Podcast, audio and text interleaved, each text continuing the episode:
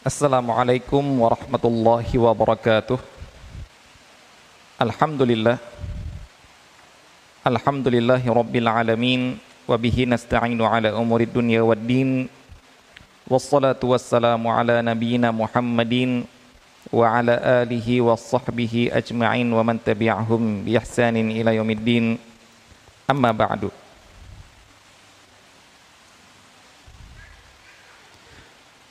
اللهم لا سهل إلا ما جعلته سهلا وأنت تجعل الحزن إذا شئت سهلا. اللهم لا خير إلا خيرك ولا طير إلا طيرك ولا إله غيرك. اللهم لا يأتي بالحسنات إلا أنت ولا يدفع السيئات إلا أنت ولا حول ولا قوة إلا بك. اللهم أرنا الحق حقا وارزقنا اتباعه وأرنا الباطل باطلا وارزقنا اجتنابه ولا تجعله ملتبسا علينا فنضل. Allahumma ja'alna mimman yastami'ul qawla fayattabi'u ahsanah fa innaka waliyyu dzalika wal qadiru alaih.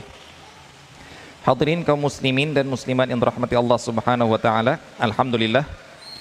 Puji dan syukur kita panjatkan kepada Allah Subhanahu wa taala yang mana sampai pada sore hari ini kita diberikan kesempatan dan kesehatan sehingga masih bisa dapat melanjutkan kajian kita dalam pembahasan fikih muamalah.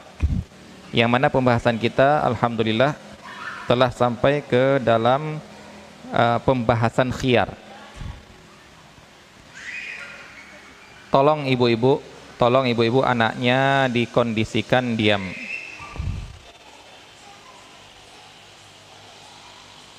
Tolong, tolong jangan tolong jangan mengganggu orang lain atau ya tidak usah ikut kajian. Baik. Kita telah membahas khiyar majlis, khiyar syarat, khiyar gaban, khiyar tadlis, khiyar aib. Sekarang kita akan membahas tentang uh, kita ambil salah satunya saja karena masih sisa dua, namun yang yang terakhir nanti akan kita terangkan kenapa nggak kita bahas yang ini. Yang keenam yang akan kita ambilkan adalah khiyar at-takhbir bis saman. Nah, khiyar at-takhbir bis saman yaitu hak pilih namanya khiyar adalah hak pilih karena harga barang ternyata beda dari yang ditawarkan.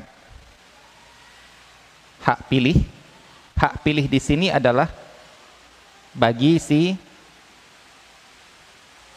pembeli. Hak dia punya hak pilih untuk melanjutkan jual belinya atau ingin membatalkan jual belinya. Karena apa? Karena si penjual tersalah dalam menyebutkan harga. Dari sisi mana bisa dikatakan penjual salah mengatakan harga? Ini khiyar ini berlaku pada akad yang dinamakan jual beli amanah. Tolong diperhatikan dari cara penawaran dari cara penawaran barang dari cara penawaran barang jual beli itu terbagi menjadi dua. Yang pertama dinamakan jual beli al musawamah al musawamah itu jual beli yang normal kita lakukan yaitu benar-benar terjadi tawar menawar harga tanpa si penjual menyebutkan harga pokok.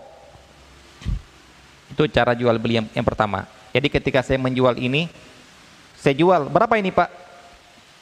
50 ribu. Bapak modalnya berapa? Enggak usah nanya. Ini biasanya kan kalau ada teman beli ke kita, jual berapa? Berapa kambing ini? 3 juta 500 ah kamu belinya berapa? Kita bilang, oh itu enggak, saya buka, saya menjual bukan gara-gara saya mengatakan saya beli berapa, pokoknya saya jual 3 juta setengah.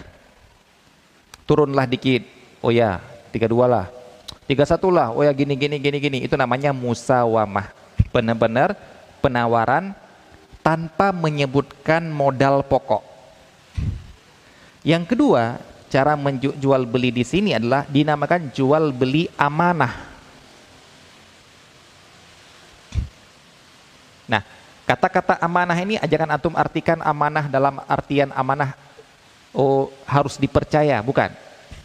Amanah di sini adalah maksudnya kita mempercayai dia gara-gara ucapan dia, ini modal saya 3 juta loh. Ini saya belinya 2 juta setengah loh. Sekarang saya jual ke kamu sekian, kasihlah saya untung sekian. Nah, ini dinamakan dengan jual beli apa? Amanah. Satu lagi ya tadi, musawamah. Musawamah itu artinya tawar menawar. Nah, yang amanah ini cara jualnya itu ada disebutkan empat model atau biasa disebutkan tiga model karena yang keempat ini bisa berlaku tiga ini juga tiga model yaitu menjual sesuai dengan harga dia beli. Sesuai saya gak mengatakan harga beli, se, menjual sesuai dengan harga pokok. Yang kedua, dia men, ah, yang yang pertama ini dinamakan dengan tauliyah. Dia mengatakan, ya beli beli berapa ini? ini modal saya satu juta, udahlah beli satu juta aja lah. Yang penting saya keluar, saya kembali modal. Yang kedua,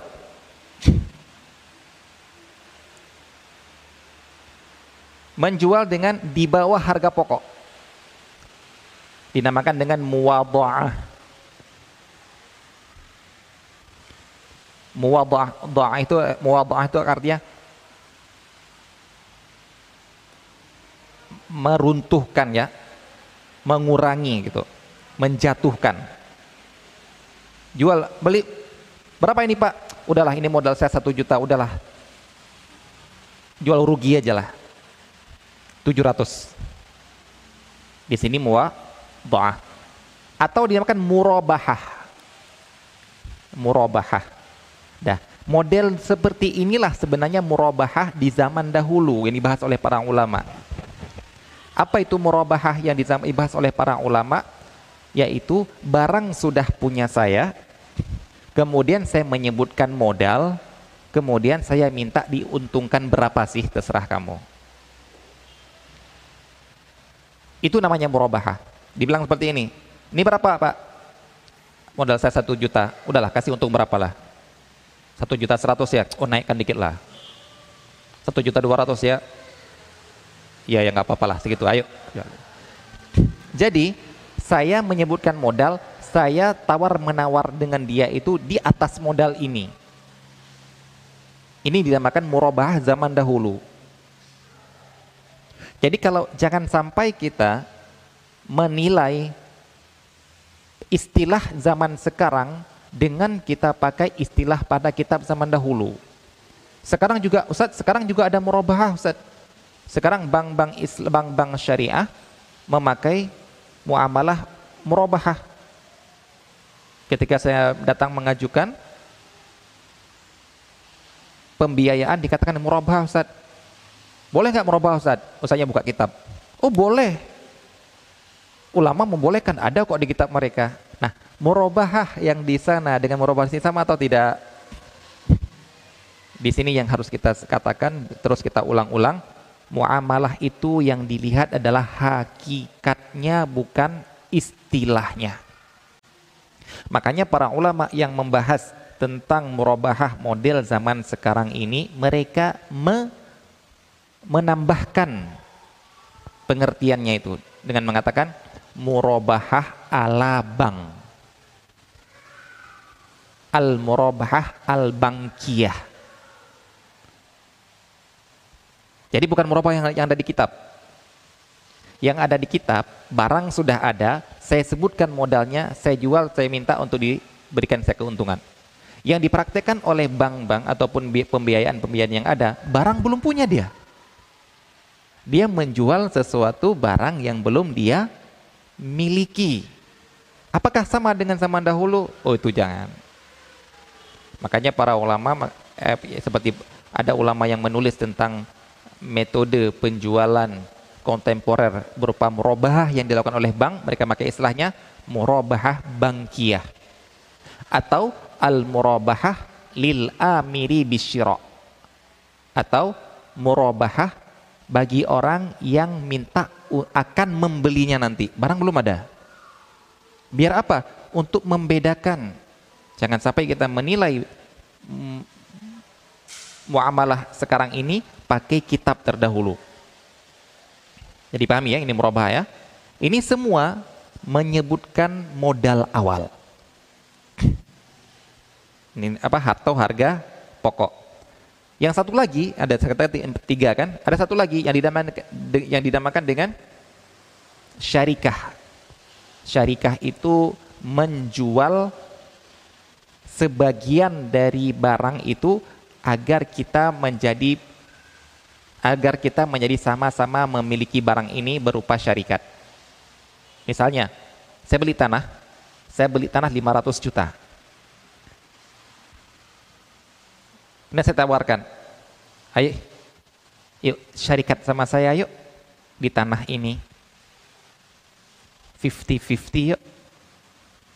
Nah di sini ketika saya mengajak syarikat, kemudian saya mengatakan, ini saya belinya 50, 500 juta loh.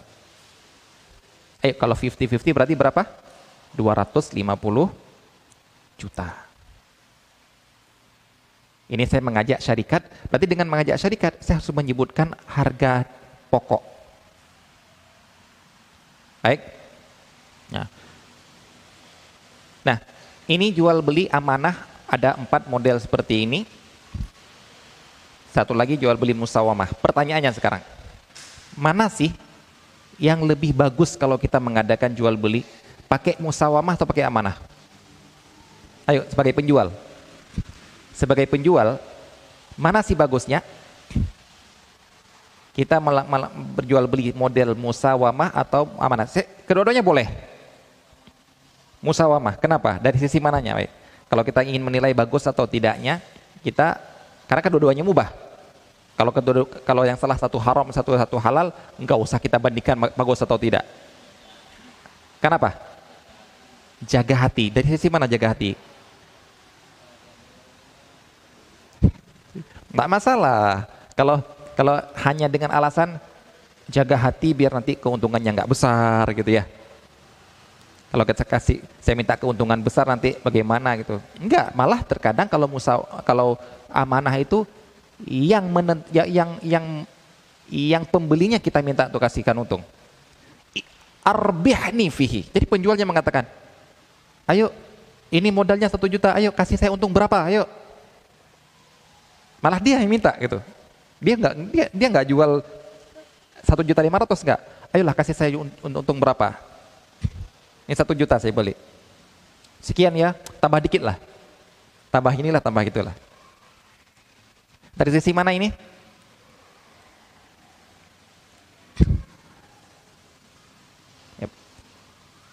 Benar, insya Allah yang, yang yang bagus adalah jual beli itu uh, apa yang musawamah sajalah. Tawar menawar saja tanpa menyebut harga pokok.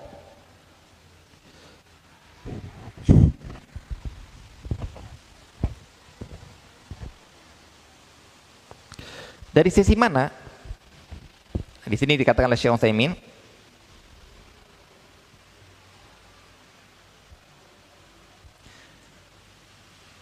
dari sisi khawatir ada penipuan.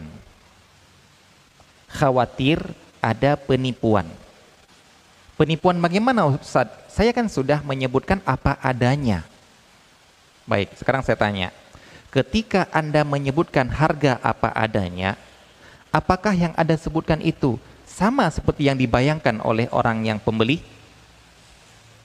Saya gini, ayo ini modal saya satu juta loh orang bayangkan dia beli satu juta atau dia belinya 900 ribu tapi ongkos kirimnya 25 ribu, ongkos pengepakannya sekian, ongkos bawa ke sini sekian, ongkos segini sekian, sehingga dia yang menjumlahkan satu juta.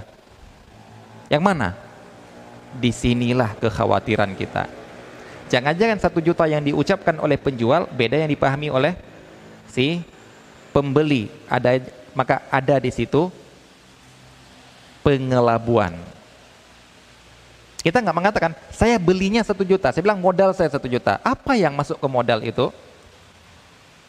Apakah ongkos kirim juga dia saya masukkan ke dalam modal atau tidak? Baik, ini cuma kekhawatiran. Makanya dalam jual beli amanah harus benar-benar amanah. Harus diterangkan. Baik. Ini tentang model-model jual beli. Nah, yang akan kita bahas kita di uh, yang yang akan kita bahas di sini adalah yang amanah ini setelah dia tawarkan kemudian ternyata apa yang disebutkan tadi itu salah. Dia bilang awalnya modal satu juta, ternyata ya bilang ini ini ini terjadi khiar ini pasti kalau khiar ke pembeli gara-gara salah disebutkan terlalu tinggi. Gara-gara terlalu tinggi. Kalau dari rendah eh, apa istilahnya? Gara-gara asalnya rendah dia nyebutkan tinggi. Nah, itu bisa jadi bisa jadi perdebatan. Tapi kalau tinggi disebutkan rendah, itu nggak bisa jadi perdebatan biasanya. Dia bilang, ini modal saya satu juta. Setelah dibeli, ternyata modalnya cuma 900 ribu. Yang mana si pembeli ini ketika dia mau menguntungkan dia 100 ribu, karena me, uh, apa istilahnya? Karena bayangan dia 100 dari satu juta. Kok ternyata 90 ribu, seandai, 900 ribu. Seandainya di awal dia bilang 900 ribu, saya tidak akan ngasih keuntungan 100 ribu. Paling saya kasih keuntungan 90 ribu. Di sinilah ada khiar dari si pembeli. Oh saya nggak mau kalau seperti itu. Saya batalkan saja. Atau ya udah nggak apa-apa. Walaupun cuma dia modalnya 900 ribu, saya kasih 1 juta 100 juga nggak apa-apa itu pilihan dari si pembeli. Nah, begitu juga misalnya Ustadz, sekarang jarang orang melakukan penjual beli seperti itu Ustadz amanah. Ada yang mungkin kita tidak menyadarinya padahal itu modelnya model jual beli amanah. Yaitu ketika kita mendapatkan toko memberikan diskon. Diskon Kemudian kita tulis harga sekian, kita coret, kita tulis harga sekian. Benar nggak? Yang kita coret itu adalah harga yang kemarin kita tawarkan. Ini bukan harga pokok, karena kita nggak mengatakan harga pokok, kita mendiskon, namanya diskon, dari harga sebelumnya.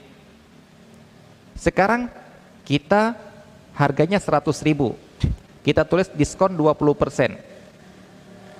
Kita coret seharusnya coret 100 ribu jadinya 80 ribu. Tapi gara-gara kita ingin bikin diskon ini kita naikkan dulu yang kita coret. Kita tulis 120 ribu kemudian kita diskon jadi 20 persen.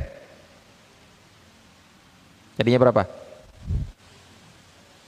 ya 96 ribu.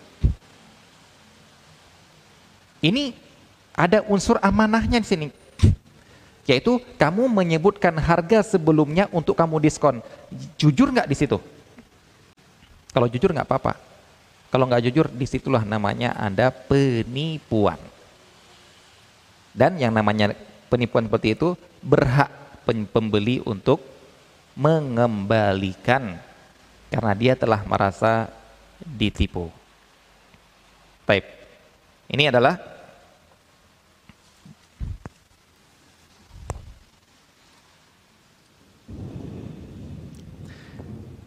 Kemudian dia masih dalam jual beli ini yaitu ketika mengungkapkan eh, perhatikan yang menjadi bentuk khiar di sini adalah karena si pembeli meyakini harga seperti yang dikatakan oleh si penjual. Ujung-ujungnya ternyata bukan. Nah, di sinilah kemudian para ulama membahas masalah penyebutan harga. Di antaranya adalah kalau si pembeli membeli barang tersebut secara kredit hutang, maka dia dia harus menyebutkan kepada si pembeli harganya harga kredit. Kenapa? Karena ketika dia kata ini modal saya satu juta loh, ini harga pokok yang saya beli satu juta loh, ternyata satu juta dia beli itu temponya dua tahun pembayaran. Sehingga sebenarnya barang ini harganya adalah 800 ribu. Cuma gara-gara dia beli kredit, dinaikkan harganya menjadi satu juta, satu juta. Nah ini, kalau dia hanya mengatakan ini modal saya satu juta, di sini bisa ada kesalahan. Dan ada ketidakjujuran. Karena ucapan dia beda yang dipahami oleh orang yang mendengar. Di sini dia harus menerangkan. Ini modal saya satu juta loh. Saya belinya tempo dua tahun. Akhirnya orang bisa memahami. Satu juta tempo dua tahun. Ya mungkin kira-kira harga kontannya sekian. Kontannya berapa pak? Oh nggak tahu saya. Pokoknya saya ditawarin dua tahun uh, harganya satu juta. Akhirnya orang bisa memperkirakan memperkirakan lah. Jadi dia benar-benar jujur dalam mengungkapkannya. Baik. Yang kedua, beli jumlah.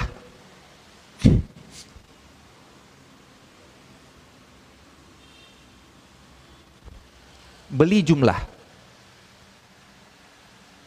Beli jumlah, beli satu seratus ribu. Beli satu lusin satu juta. Sekarang pertanyaannya, ketika Anda menjual ketika Anda menjual eceran, Berapa Anda jual? Secara amanah loh, ya kalau secara musawamah selesai sudah, nggak usah nggak usah ngomong. Tapi kalau Anda membeli satu, katanya berapa satu? Satu seratus ribu. Suat, beli satu lusin, satu juta. Ketika Anda men, men, menjual per piece secara amanah, Anda nyebutkan apa?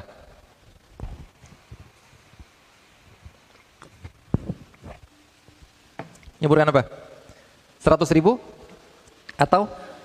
Nah, di situlah kita harus menerangkan agar tidak terjadi penipuan.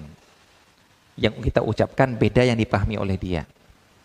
Kita ucapkan, ini saya beli satu juta, saya beli per lusinnya satu juta. Ayo, silakan. Saya jual per piece ke Anda, silahkan mau kasih untung saya berapa.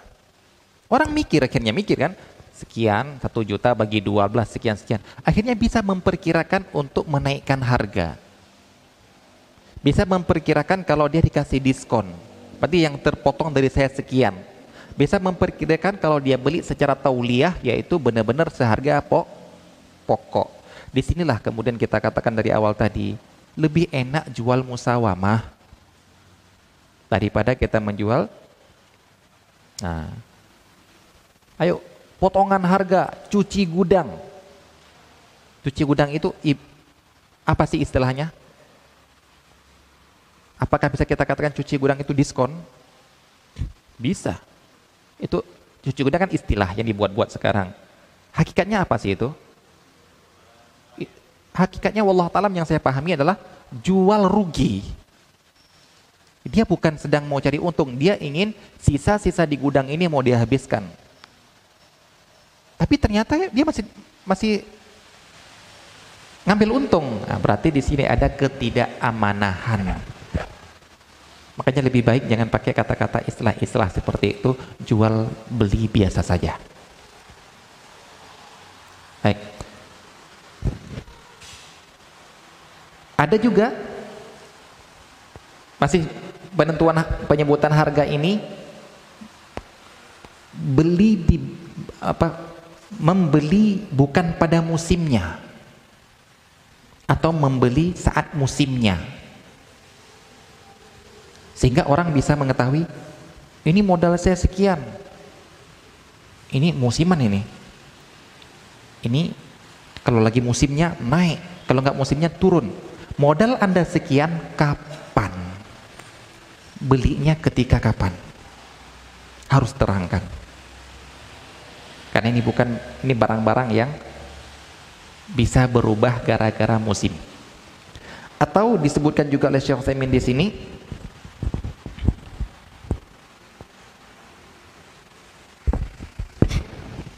Oh, yang di, yang dicontohkan apa yang dikatakan musim di sini adalah seperti ada orang jual kambing dengan dia mengatakan, "Ayo jual, saya jual jual rugilah." Ini modal saya 2 juta." Kita tanya, ternyata 2 juta dia beli itu ketika pas hari dua hari lagi hari raya Idul Adha. Ya wajar harga segitu, apa? Yaitu kemahalan. Karena kalau di luar itu harganya cuma satu juta lima ratus. Jadi katakan ini modal saya 2 juta ketika saya beli ketika dua hari lagi dua hari sebelum Idul Adha agar orang kemudian mau membeli mengasih untung mau membeli seharga modal mau membeli dengan beli rugi dia bisa membayangkan atau bisa mengetahui dengan benar berapa sebenarnya pantasnya harga barang ini. Contoh lain sini adalah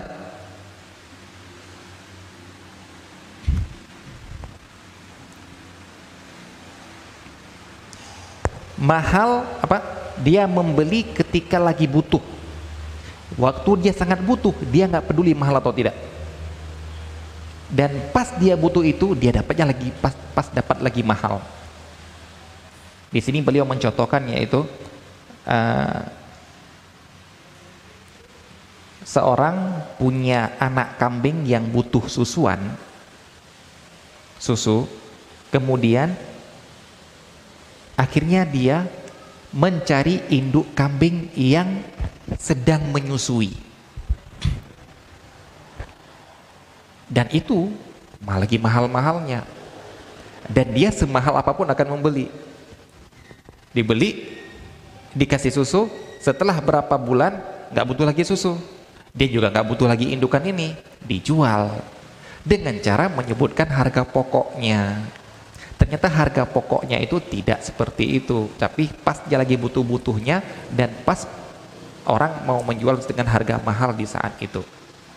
Jadi di sinilah dapat kita pahami bahwasanya jual beli secara amanah perlu menyebutkan dengan sebenar-benarnya agar tidak salah dia pahami oleh si pembeli ketika dia menaikkan harga, ketika dia menurunkan harga, ketika membeli dengan harga yang sama dan kalau ternyata nanti ketahuan harganya beda dengan disebutkan di awal maka si pembeli punya hak khiyar. Wallahu taala a'lam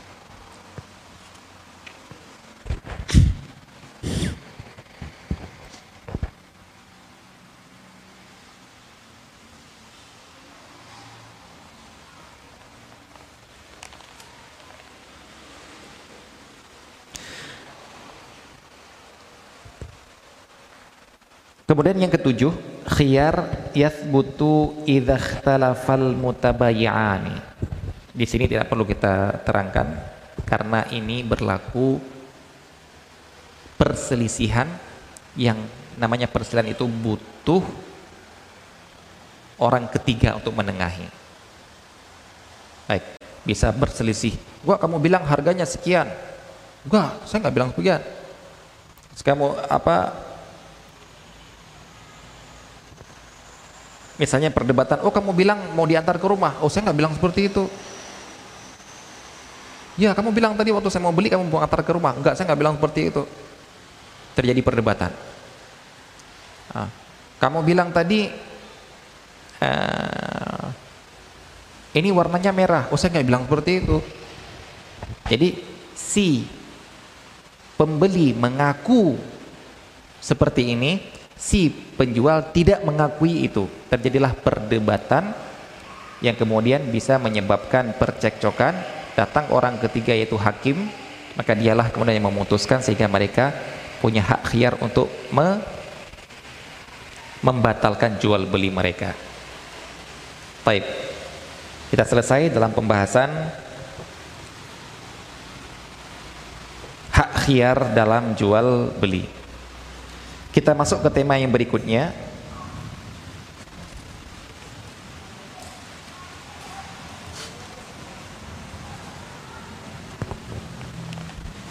Yaitu yang kita berikan judul status jual beli dan barang perdagangan. status jual beli dan status barang yang sudah dibeli. Ini akan uh, dapat kita uh, tolong dipahami dengan baik yang, yang, yang seperti ini.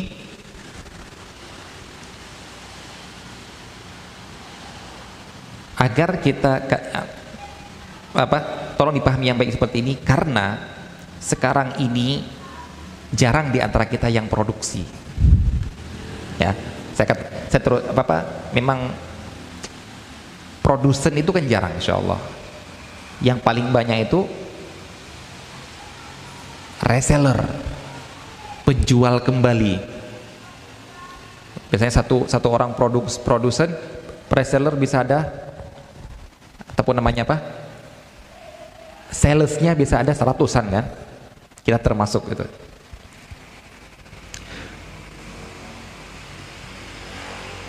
Berarti di sini kita harus memahami kapan saya boleh menjual kembali barang yang sudah saya beli.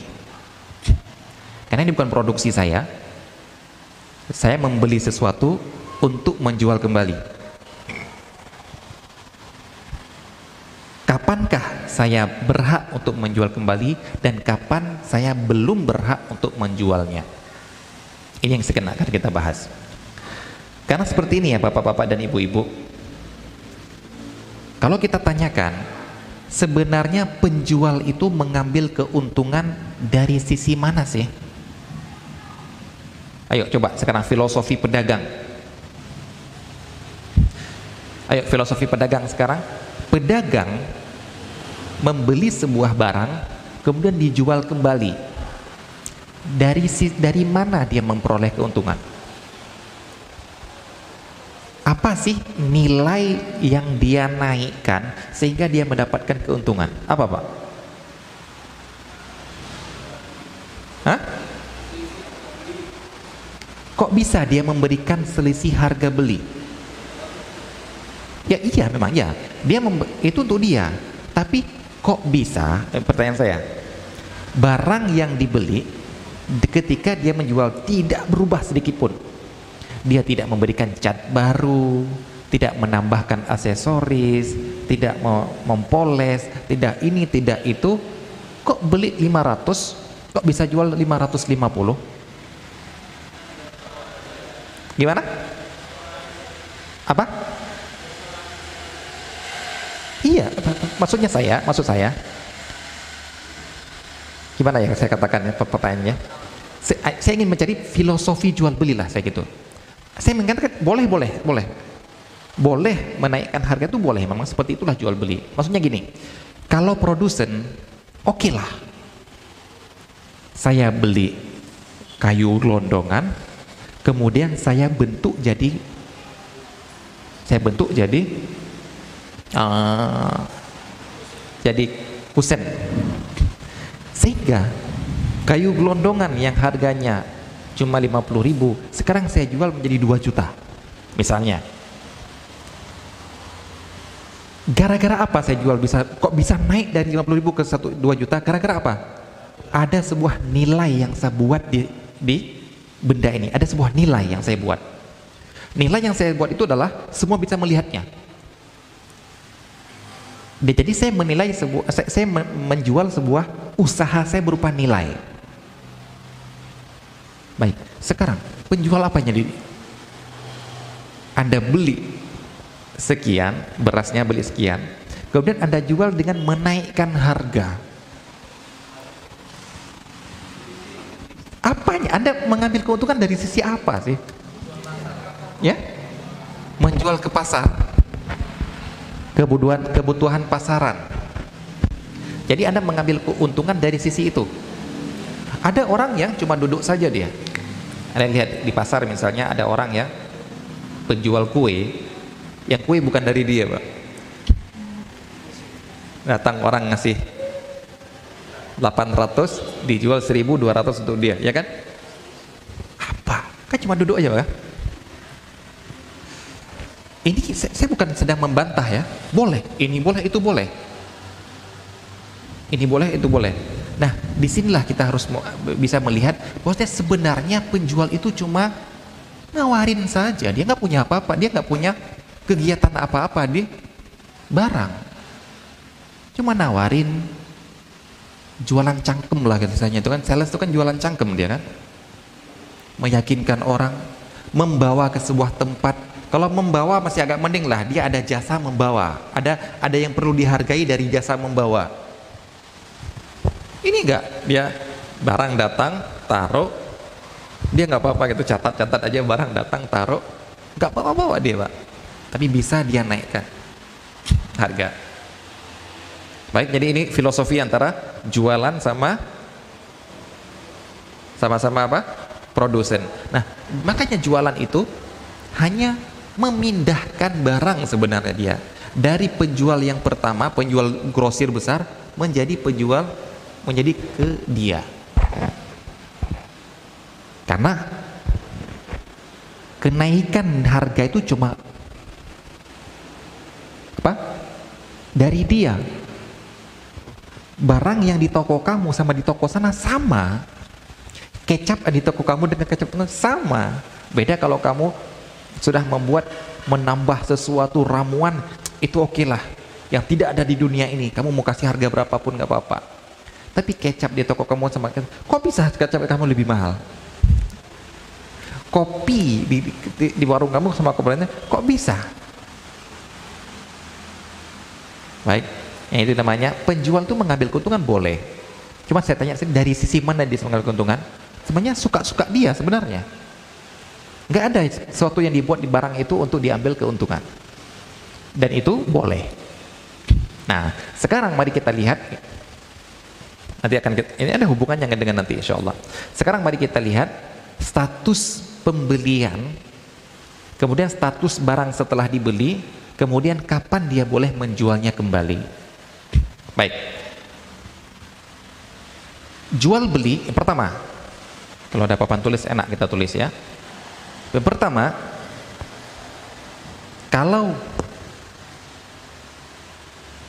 telah terpenuhi syarat-syarat jual beli yang telah kita sebutkan yang sebelumnya, yang ada enam itu, maka jual belinya sah.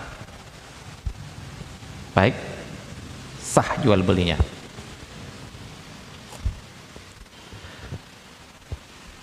sahnya jual beli itu jangan dilihat dari lunas atau tidak gak ada hubungannya sahnya jual beli itu jangan dilihat dari barangnya sudah diserahkan atau tidak. Nggak ada hubungannya. Jadi kalau saya sudah terjadi akad jual beli dengan telepon dengan telepon sah jual beli walaupun barang belum ada di depan saya. Dengan syarat-syarat telah kita sebutkan ya. Asal syaratnya terpenuhi.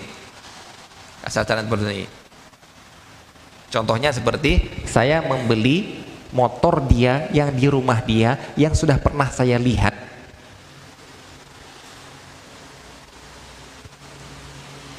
Dan ketika jualan gak dibawa ke depan. Sah jual beli. Uang belum saya dikasih barang belum dibawa. Ini bukan jual beli kali bil kali Ustaz, bukan jual beli barang belum ada, uang belum ada. Bukan, barang sudah ada. Kalau barang belum ada, uang belum ada, itu motor belum ada, uang belum ada. Sekarang motor sudah ada, cuma belum dibawa, itu aja. Makanya syarat jual beli itu, syarat jual beli itu tolong dipahami. Sehingga apa pun ketika saya tekan, terpenuhi syarat jual beli enggak? Oh belum Ustaz, kan barang motornya enggak ada itu bukan belum terpenuhi motornya sudah terpenuhi sudah jelas motor yang mana cuma belum dibawa ke sini. Sudah pernah saya lihat bukan majhul. Cuma belum dibawa ke sini. Baik. Sah jual beli? Sah jual belinya. Baik. Ini yang pertama tingkatan yang pertama. Sah jual belinya. Tingkatan yang kedua adalah namanya sah itu akan melewati sebuah uh, akad apa sebuah tahapan yang dinamakan dengan khiar yang kita lewatin tadi. Khiar majelis misalnya, khiar syarat misalnya. Adapun khiar ghaben, khiar tadlis, khiar aib itu kalau ada indikasi kalau ada terjadi sesuatu. Sedangkan khiar majelis tanpa terjadi sesuatu. Kalau khiar syarat dengan ada persyaratan. Jadi sah dulu, sah. Kemudian kita lanjutkan berikutnya ada masa khiyar. Selama masa khiyar ini masih boleh dikembalikan atau dilanjutkan. Yang penting jual belinya sah. Baik. Masa khiyar sudah kita bahas Ustaz. Sudah kita lewati. Selesai. Majelis selesai, syarat selesai. Berarti sekarang tahap yang berikutnya yaitu jual beli tersebut sudah lazim namanya. Apa itu lazim? terikat. Apa maksud terikat? Tidak boleh lagi minta, oh bukan tidak boleh minta, tidak berhak, bukan tidak berhak ya,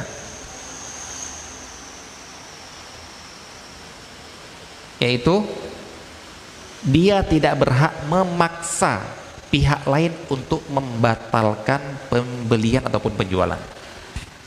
Kalau masa khiyar masih boleh, eh saya nggak nggak jadi. Dan dia harus menerima. Karena masih di masa khiyar sudah lewat masa khiyar maka tidak ada lagi namanya. Eh saya nggak jadi. Ayo batalkan.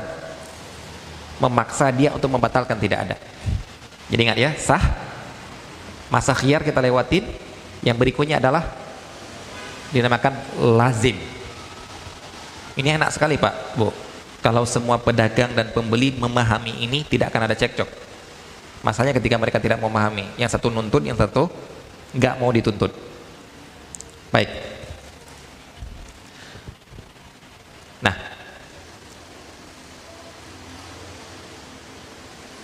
Ini status penjualan.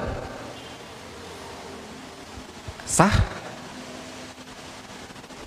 ada khiar kemudian terikat sekarang mari kita ke status barang. Status barang yang saya beli itu. Status barang yang saya beli itu ketika dari awal sudah sah jual beli itu sudah berubah statusnya jadi milik saya ketika saya membeli. Jadi milik saya. Konsekuensi kalau sudah jadi milik saya adalah kalau uh, barang itu saya punya hak menuntut kamu untuk menyerahkannya. Dinamakan dengan hakut taufiyah. Ini kalau memang barangnya belum diserahkan. Jadi jual beli, sah jual beli barang belum diserahkan. Berarti saya punya hak untuk menuntut dia untuk menyerahkan barang itu. Kemudian barang itu menjadi milik saya yang berarti ke keuntungan apa pun pada barang itu berupa kenaikan harga misalnya berupa menghasilkan sebuah hasil misalnya Misalnya ayam bertelur, kalau kan namanya ayam bertelur kan harian. Beda kalau kambing ya nggak mungkin lah beri, ber, dua hari lagi langsung beranak kan nggak mungkin pasti dari proses hamil lah. Milik siapakah telur itu? Saya dia menjual dia menjual ayam di rumah dia yang saya sudah melihat seperti ini, tapi belum diserahkan besok mau diserahkan. Malamnya apa paginya di bertelur. Milik siapa telur itu? milik si pembeli. Walaupun belum diserahkan. Itulah pentingnya kita memahami kapan jual beli itu sah agar kita tahu konsekuensi dari jual beli itu. Sehingga penjual nggak akan nggak akan protes oh di telur masih di rumah saya kok. Tidak tapi ini sudah menjadi milik dia. Begitu juga kalau harganya ternyata naik tiba-tiba. dia beli pohon keladi 100 ribu malamnya besok mau diambil malamnya harganya jadi 30 juta. Kenaikan harga kan? Barangnya sama kan? Keuntungan milik siapa itu? Si si? Pe? Si penjual si pembeli. Baik. Nah itu konsekuensi dari status barang. Status barang jadi milik dia. Dalam artian keuntungan kenaikan nilai dari barang itu hak si pembeli. Dan si penjual tidak boleh lagi menjual ke orang lain konsekuensi gak boleh menjual ke orang lain. Kecuali dengan tadi kalau masih masa khiar kalau masih masa khiar membatalkan. Baik karena kalau dia mau menjual ke orang lain batalkan dulu.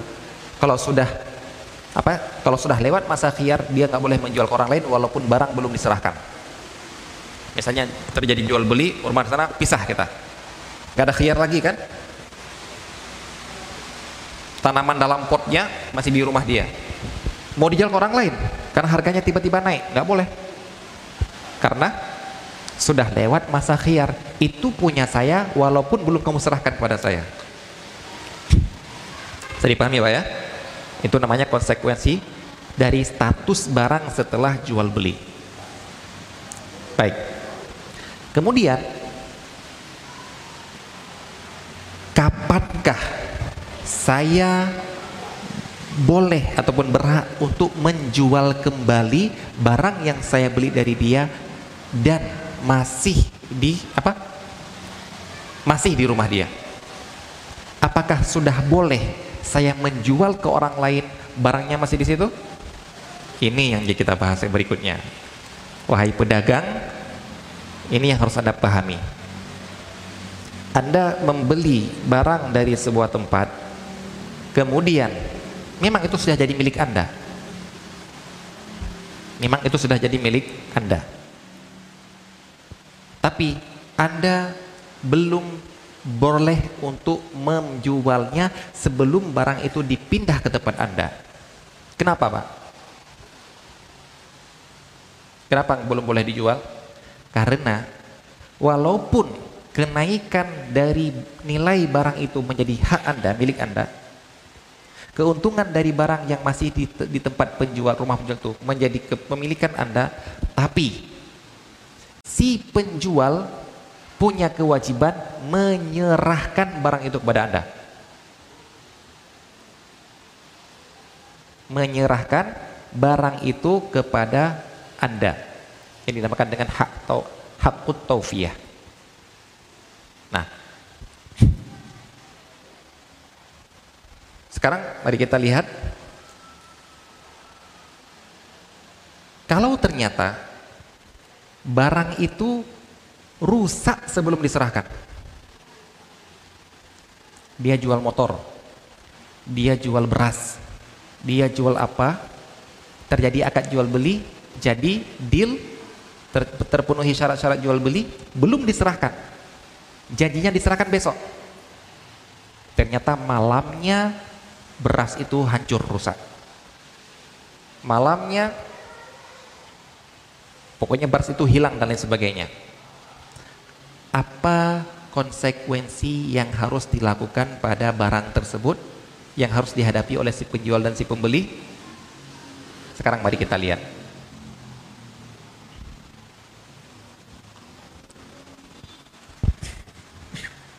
kalau rusaknya itu adalah karena faktor alam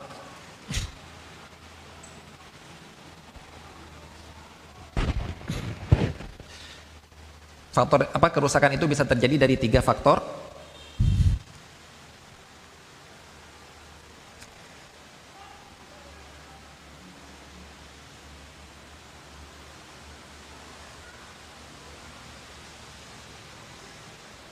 Rusak karena faktor alam. Kedua atau dua kita katakan dua. rusak karena faktor alam. Yang kedua, rusak karena faktor human error. Karena faktor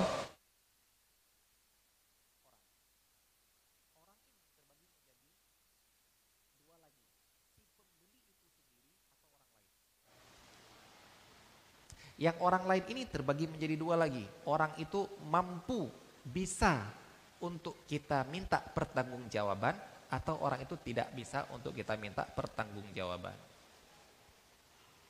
Baik. Baik, yang pertama.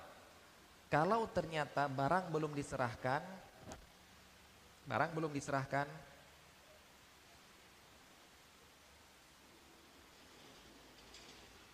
dan ternyata kemudian rusak gara-gara faktor alam, banjir, apa istilahnya, gempa,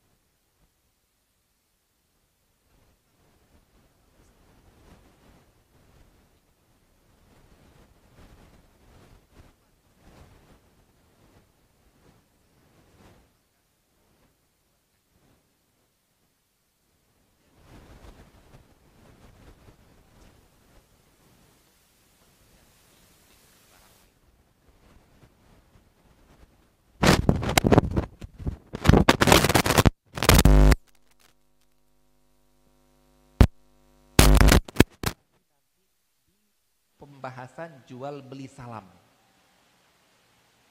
Jual beli salam bukan membeli barang itu, tapi membeli kriteria itu. Sehingga kalau ternyata rusak yang ada sama dia, saya tidak peduli, cari barang yang lain seperti kriteria yang telah saya yang telah Anda tentukan sebelumnya. Tapi kalau saya beli beras itu lemari itu sebelum dibawa rusak maka batal jual beli. Baik. Sebatas mana? Ini perlu kita pahami, juga. Sebatas mana kita berikan batas waktu dia belum menyerahkan sehingga batal jual beli. Di sini dikatakan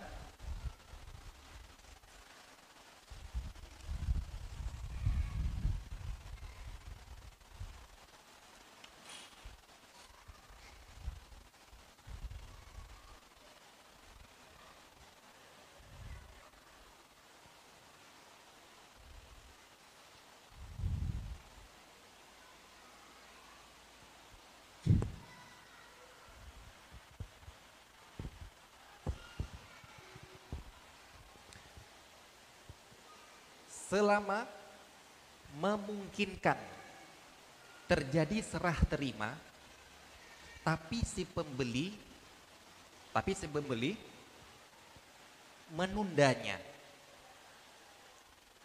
Apa istilahnya?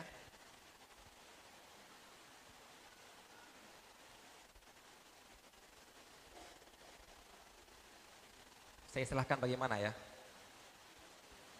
idza tamakkana min qabdihi. Gini maksudnya seperti ini.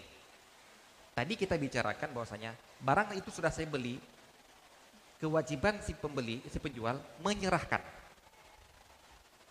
Kewajiban si penjual menyerahkan. Ternyata ketika dia sedang mau melaksanakan kewajibannya menyerahkan, barang itu rusak. Rusak dengan faktor alam, maka jual beli batal, saya tidak wajib menuntut. Baik. Sekarang ternyata si penjual sudah mau menyerahkan ataupun sudah menyuruh si pembeli untuk mengambil. Misalnya perjanjiannya bukan saya bawa ke rumah Anda, Anda ngambil di rumah saya. Sudah disuruh ambil, dan si pembeli memungkinkan untuk mengambil, tapi dia nggak mau ngambil, menunda-nunda. Kemudian terjadi kerusakan, terjadi kehancuran. Apakah si pembeli masih wajib untuk membayar, ataupun apakah si penjual masih wajib menggantikan uangnya? Tidak. Jadi di sini ternyata serah terima barang ini dilihat dari katakan ini annal madara ala tamakkuni minal qabdi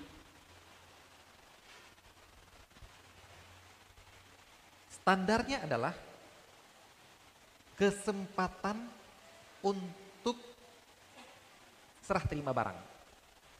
Kalau sudah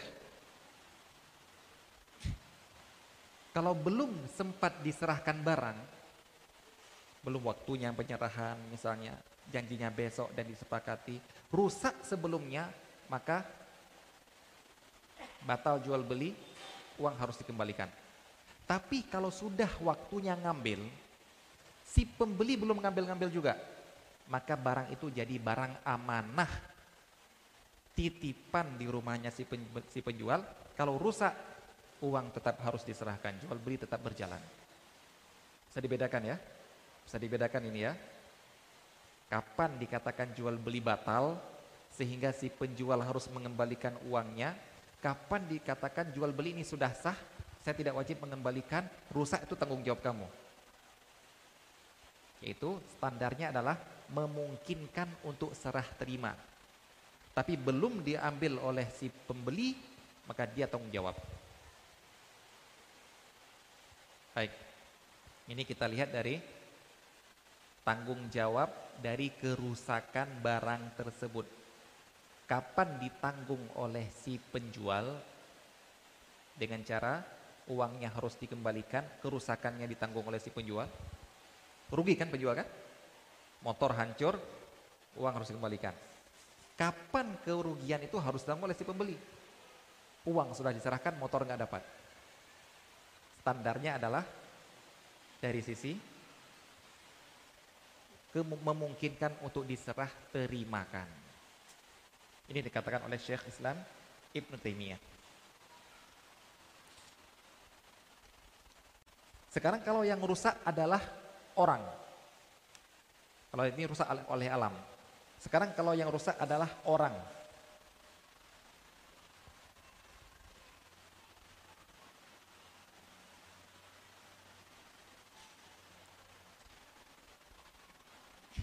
Di sini ada dua pendapat kata Syekh Utsaimin, kalau yang rusak eh kalau yang rusak orang, orang itu terbagi menjadi tiga tadi, yaitu yang pertama si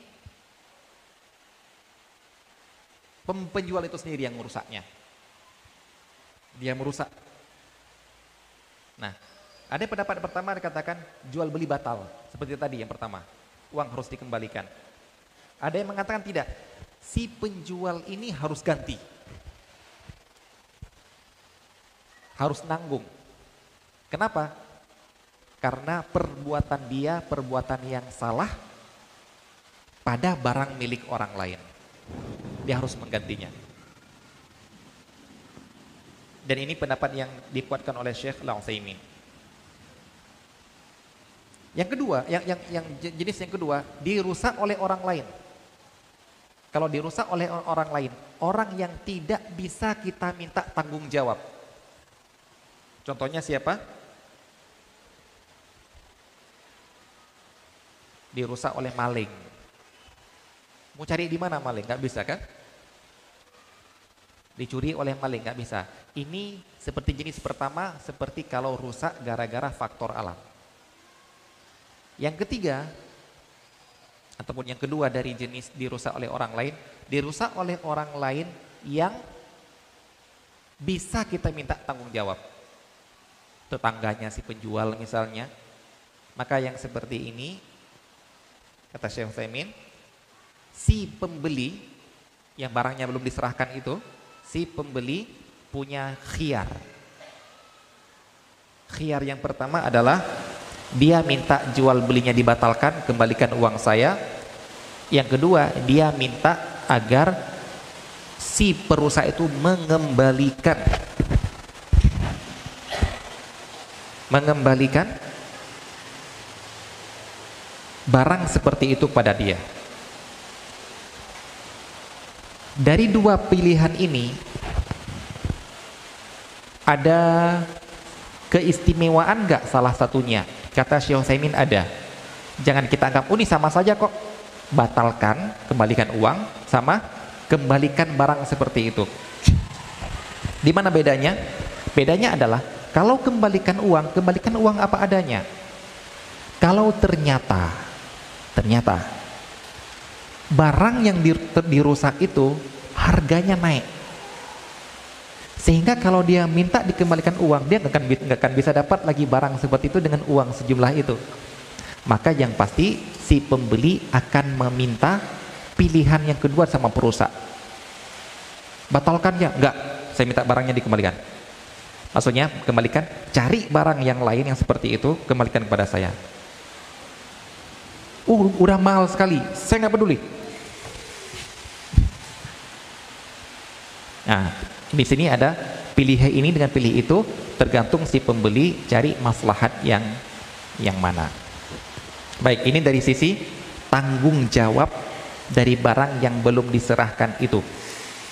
Nah sekarang si pembeli setelah dia terpindahkan diserahkan barang itu ke tempat dia barulah dia boleh untuk menjualkan kembali. Di sini ada hadis Rasulullah sallallahu alaihi wasallam yang mengatakan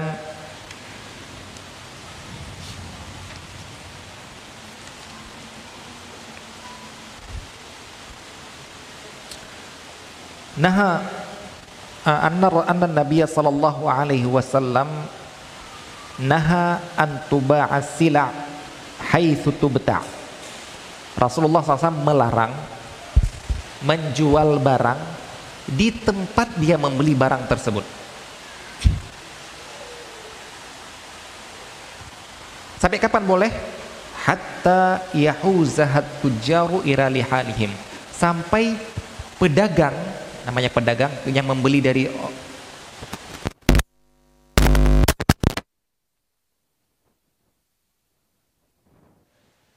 barang yang dibeli ini ke tempatnya dia. Apa yang maksud di sini adalah yang dimaksud di sini adalah kalau barang belum berpindah ke tempat Anda wahai pembeli, itu masih di atas tanggungannya si penjual untuk menyerahkan barang kepada Anda. Selama masih di tanggungannya penjual, Anda belum berhak untuk menjualkan kembali. Anda mau menjadi tanggungan Anda, pindahkan dulu dari toko dia ke toko Anda ataupun ke truk Anda, ke pick up Anda, baru Anda boleh menjualkannya kembali. Baik. Ada yang bertanya kepada seorang ustadz Ustadz kok ribet banget sih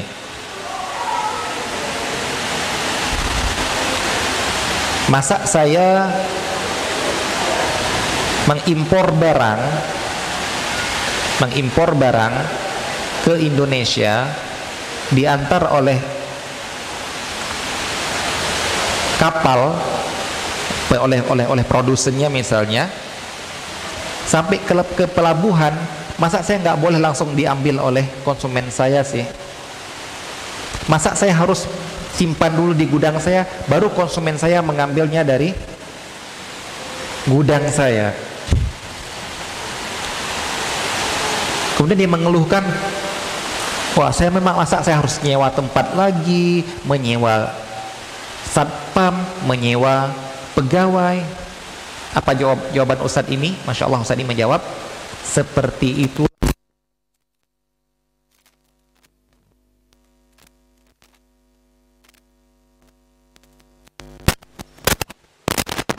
Anda telah memutar roda pengekonomian. Enggak hanya antara itu sama ini Anda cuma duduk-duduk ini. Ayo ambil di pelabuhan itu, ambil aja. Barang yang kamu pesan kemarin 3 ton itu kan, ambil aja udah. Ini, ini. Dia nggak pernah datang situ. Barangnya nggak pernah masuk ke dalam kepemilikan dia.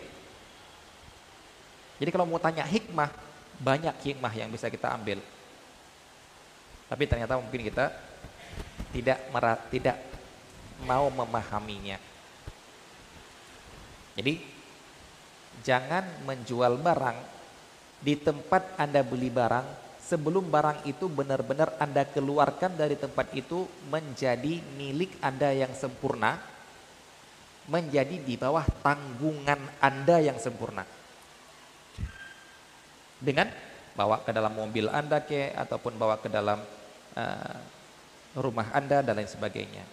Nah, ini yang biasa terjadi pada jual beli yang dinamakan pembiayaan. Nanti akan kita lihat.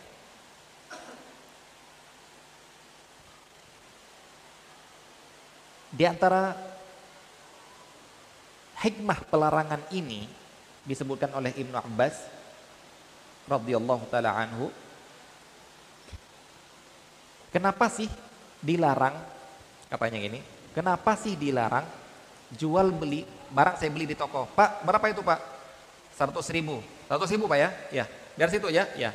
Kemudian saya sudah beli. Uang sudah ada, barang barang belum dibawa, belum belum dikasih dan belum saya bawa. Kemudian saya jual ke orang lain.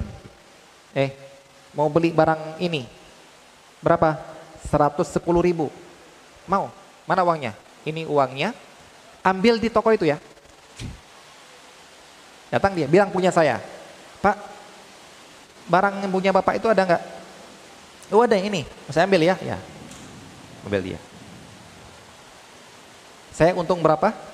10 ribu barang tidak pernah berpindah ke saya langsung dari penjual yang pertama menuju ke konsumennya saya. Ini bentuk gini ya, bentuk seperti ini. Kata Ibnu Abbas, seorang sahabat Rasulullah Sallallahu Alaihi Wasallam,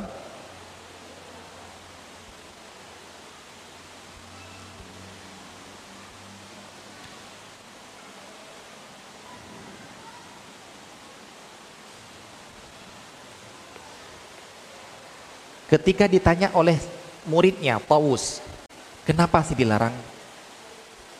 Kenapa sih dilarang model seperti tadi? Apa jawaban beliau? Masya Allah. Beliau ingin menyebutkan sebuah illah, sebuah sebab pelarangan dalam syariat. Beliau mengatakan, dirahim bidarahim wal qabdu murja'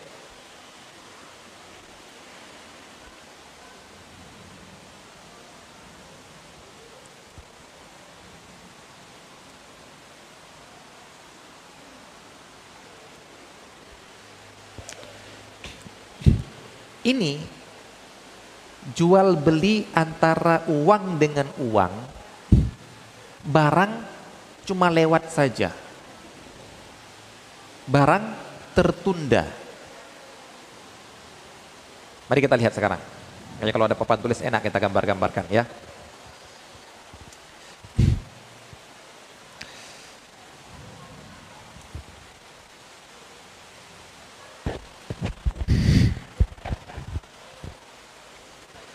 100 ribu? Saya dapat keuntungan menjual dengan 110 ribu. Barang tidak pernah ada di talam genggaman saya. Jadi kata beliau ini persis seperti saya kasih ke pembeli saya ini. Ini uang 100 ribu. Am, kamu ke toko itu ambil barang ini 100 ribu mana uang kamu 110 ribu jadi sebenarnya dia sedang melakukan jual beli antara uang dengan uang. Uangnya nggak ada, eh barangnya nggak ada. Barangnya tertunda, murja, muakhar. Jadi seakan-akan uang barang itu cuma sebagai pelicin lewat. Sebenarnya yang sedang yang sedang mereka lakukan transaksi adalah uang dengan uang. Uang dengan uang tidak boleh ngambil keuntungan. Dia mengambil keuntungan, mengeluarkan 100, mengambil 110 barang nggak ada pelicin saja ini adalah ilahnya dari yang disebutkan oleh uh, apa Ibnu Abbas. Ketika ditanya, kenapa sih nggak boleh nggak boleh menjual dulu kalau belum barang diambil? Ini alasannya. Berarti di sini ada apa ini? Riba. Sebenarnya yang terjadi adalah tukar menukar uang dengan uang, barang tidak pernah ada di tangan saya, lewat saja. Seakan-akan saya kasih ke dia 100 ribu beli, mana? Uang 110 ribu. Jadi paham ya? Tapi kalau barang itu ada di tempat saya, kalau ada di tempat saya, tanggung jawab dari barang ini menjadi tanggung jawab saya. Kalau kalau masih di, di, di toko itu tanggung jawab masih tanggung jawab dia rusak, ambruk toko, banjir dan sebagainya, dia tanggung jawab. Harus mengembali harus apa? Mengembalikan uang saya. Tapi kalau sudah di, di, di tempat saya, saya sekarang tanggung jawab. Nah, sekaranglah setelah saya bertanggung jawab terpenuh terhadap barang ini, saya boleh menjualnya. Inilah kata-kata Rasulullah sallallahu alaihi wasallam, la tabi' fi ma. La tarbah fi malatatman. Jangan kamu ambil keuntungan di barang yang belum menjadi doman tanggung jawab kamu penuh. Barang di toko itu, tanggung jawab orang itu. Jangan kamu ambil keuntungan. Sampai kamu membawakan barang ini ke sini, baru kamu boleh jual dengan mengambil keuntungan. Nah ini yang saya pernah katakan tadi Pak, dari mana sih penjual itu mengambil keuntungan? Hanya dengan menaikkan harga Pak, gak ada yang lain. Enggak ada kerjaan dia yang lain, Pak. Bukan dengan menambah, bukan dengan menambah, menghiasi, menambah aksesoris dan sebagainya. Enggak. Hanya dengan menaikkan harga itu aja dah. Persaingan antara pedagang dengan pedagang apa? Hanya dengan menurunkan sedikit harga. Baik. Jadi di sinilah perlunya kita mengetahui kapan barang itu menjadi sah milik saya, kapan barang itu tidak boleh saya kembalikan lagi, ataupun tidak wajib orang menerima pengembalian kapan barang tersebut harus diserahkan oleh dia kapan tidak harus diserahkan oleh dia gara-gara sudah rusak kapan saya punya khiar untuk ditanggung oleh orang lain barang itu kapan barang itu sudah boleh saya jual kembali itu semua dapat kita ketahui dari status penjualan dan status barang setelah pembelian.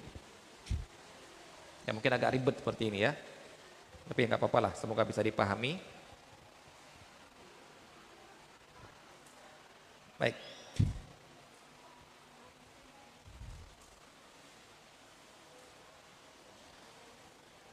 Walaupun demikian, walaupun sudah sah, sudah lewat batas khiar, sudah menjadi lazim akan jual beli terikat, namun syariat masih memberikan kesempatan bagi orang yang ingin membatalkannya. Cuma yang model ini penerima pembatalan tidak wajib untuk menerima. Beda kalau masih masa khiyar, wajib menerima. Apa itu dinamakan? Yang dinamakan dengan iqalah. Iqalah.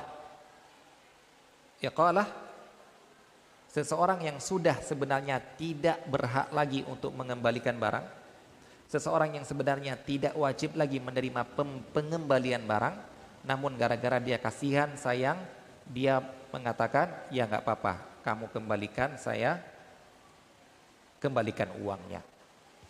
Kamu kamu kembalikan uangnya, saya kembalikan barangnya. Itu dinamakan iqalah. Di sini pahalanya besar. Kata Rasulullah SAW, man aqala musliman aqalallahu asratahu qiyamah. Barang siapa yang menerima penyesalan saudaranya dalam jual beli. Padahal dia tidak wajib menerima penyesalan, tapi dia mau menerima gara-gara kebaikan dia. Maka kata Allah Subhanahu wa taala, Allah membalasnya di akhirat nanti. Maka Allah akan menerima penyesalan dosa dia, kesalahan dia di hari kiamat nanti. Allah taala a'lam. Nah, dalam menerima pengembalian barang tadi apakah dia kalau dia mau menerima sekarang apakah boleh dia menaikkan harganya lagi kalau memang yang mau mengembalikan adalah si pembeli ataupun bolehkah eh, dia menurunkan harganya lagi kalau yang mau men, kalau yang minta pengembalian adalah si penjual gitu saya beli barang 10 ribu saya beli pembeli ya penjual pembeli 10 ribu barang sudah punya saya Selesai, masa khiyar selesai, sudah jadi milik saya sudah saya ambil. Dia minta pembatalan. Pak, Pak, tolong Pak ya, uh, saya butuh barang itu, saya nggak jadi beli. Ini uang 10 ribu, enggak, 11 ribu. Baik, atau yang yang membatalkan si pembeli. Oh Pak, maaf Pak ya nggak jadi Pak ya. Saya mau minta kembali. Oh kalau kembali enggak ini pembatalan ya eh, ini ini kita iqalah ya. Ya. Baik. Ini saya kembalikan 9000. Boleh enggak? Di sini memang ada perbedaan pendapat para ulama, namun yang rajih yang dikuatkan oleh Syekh boleh. Boleh menentukan harga lain di dalam iqalah. Ini dekat di uh, rajihkan oleh Syekh Utsaimin wallahu taala alam.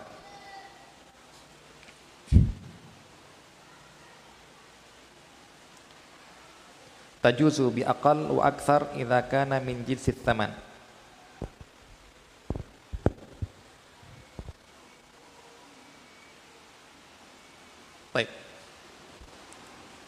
Wallahu taala alam. Baik, selesai kita pembahasan masalah status jual beli dan barang dan status barang perdagangan. Jam berapa? Masih ada berapa menit? Hah? Tiga menit lagi. Nanti kita lanjutkan nanti habis maghrib pembahasan masalah riba ya.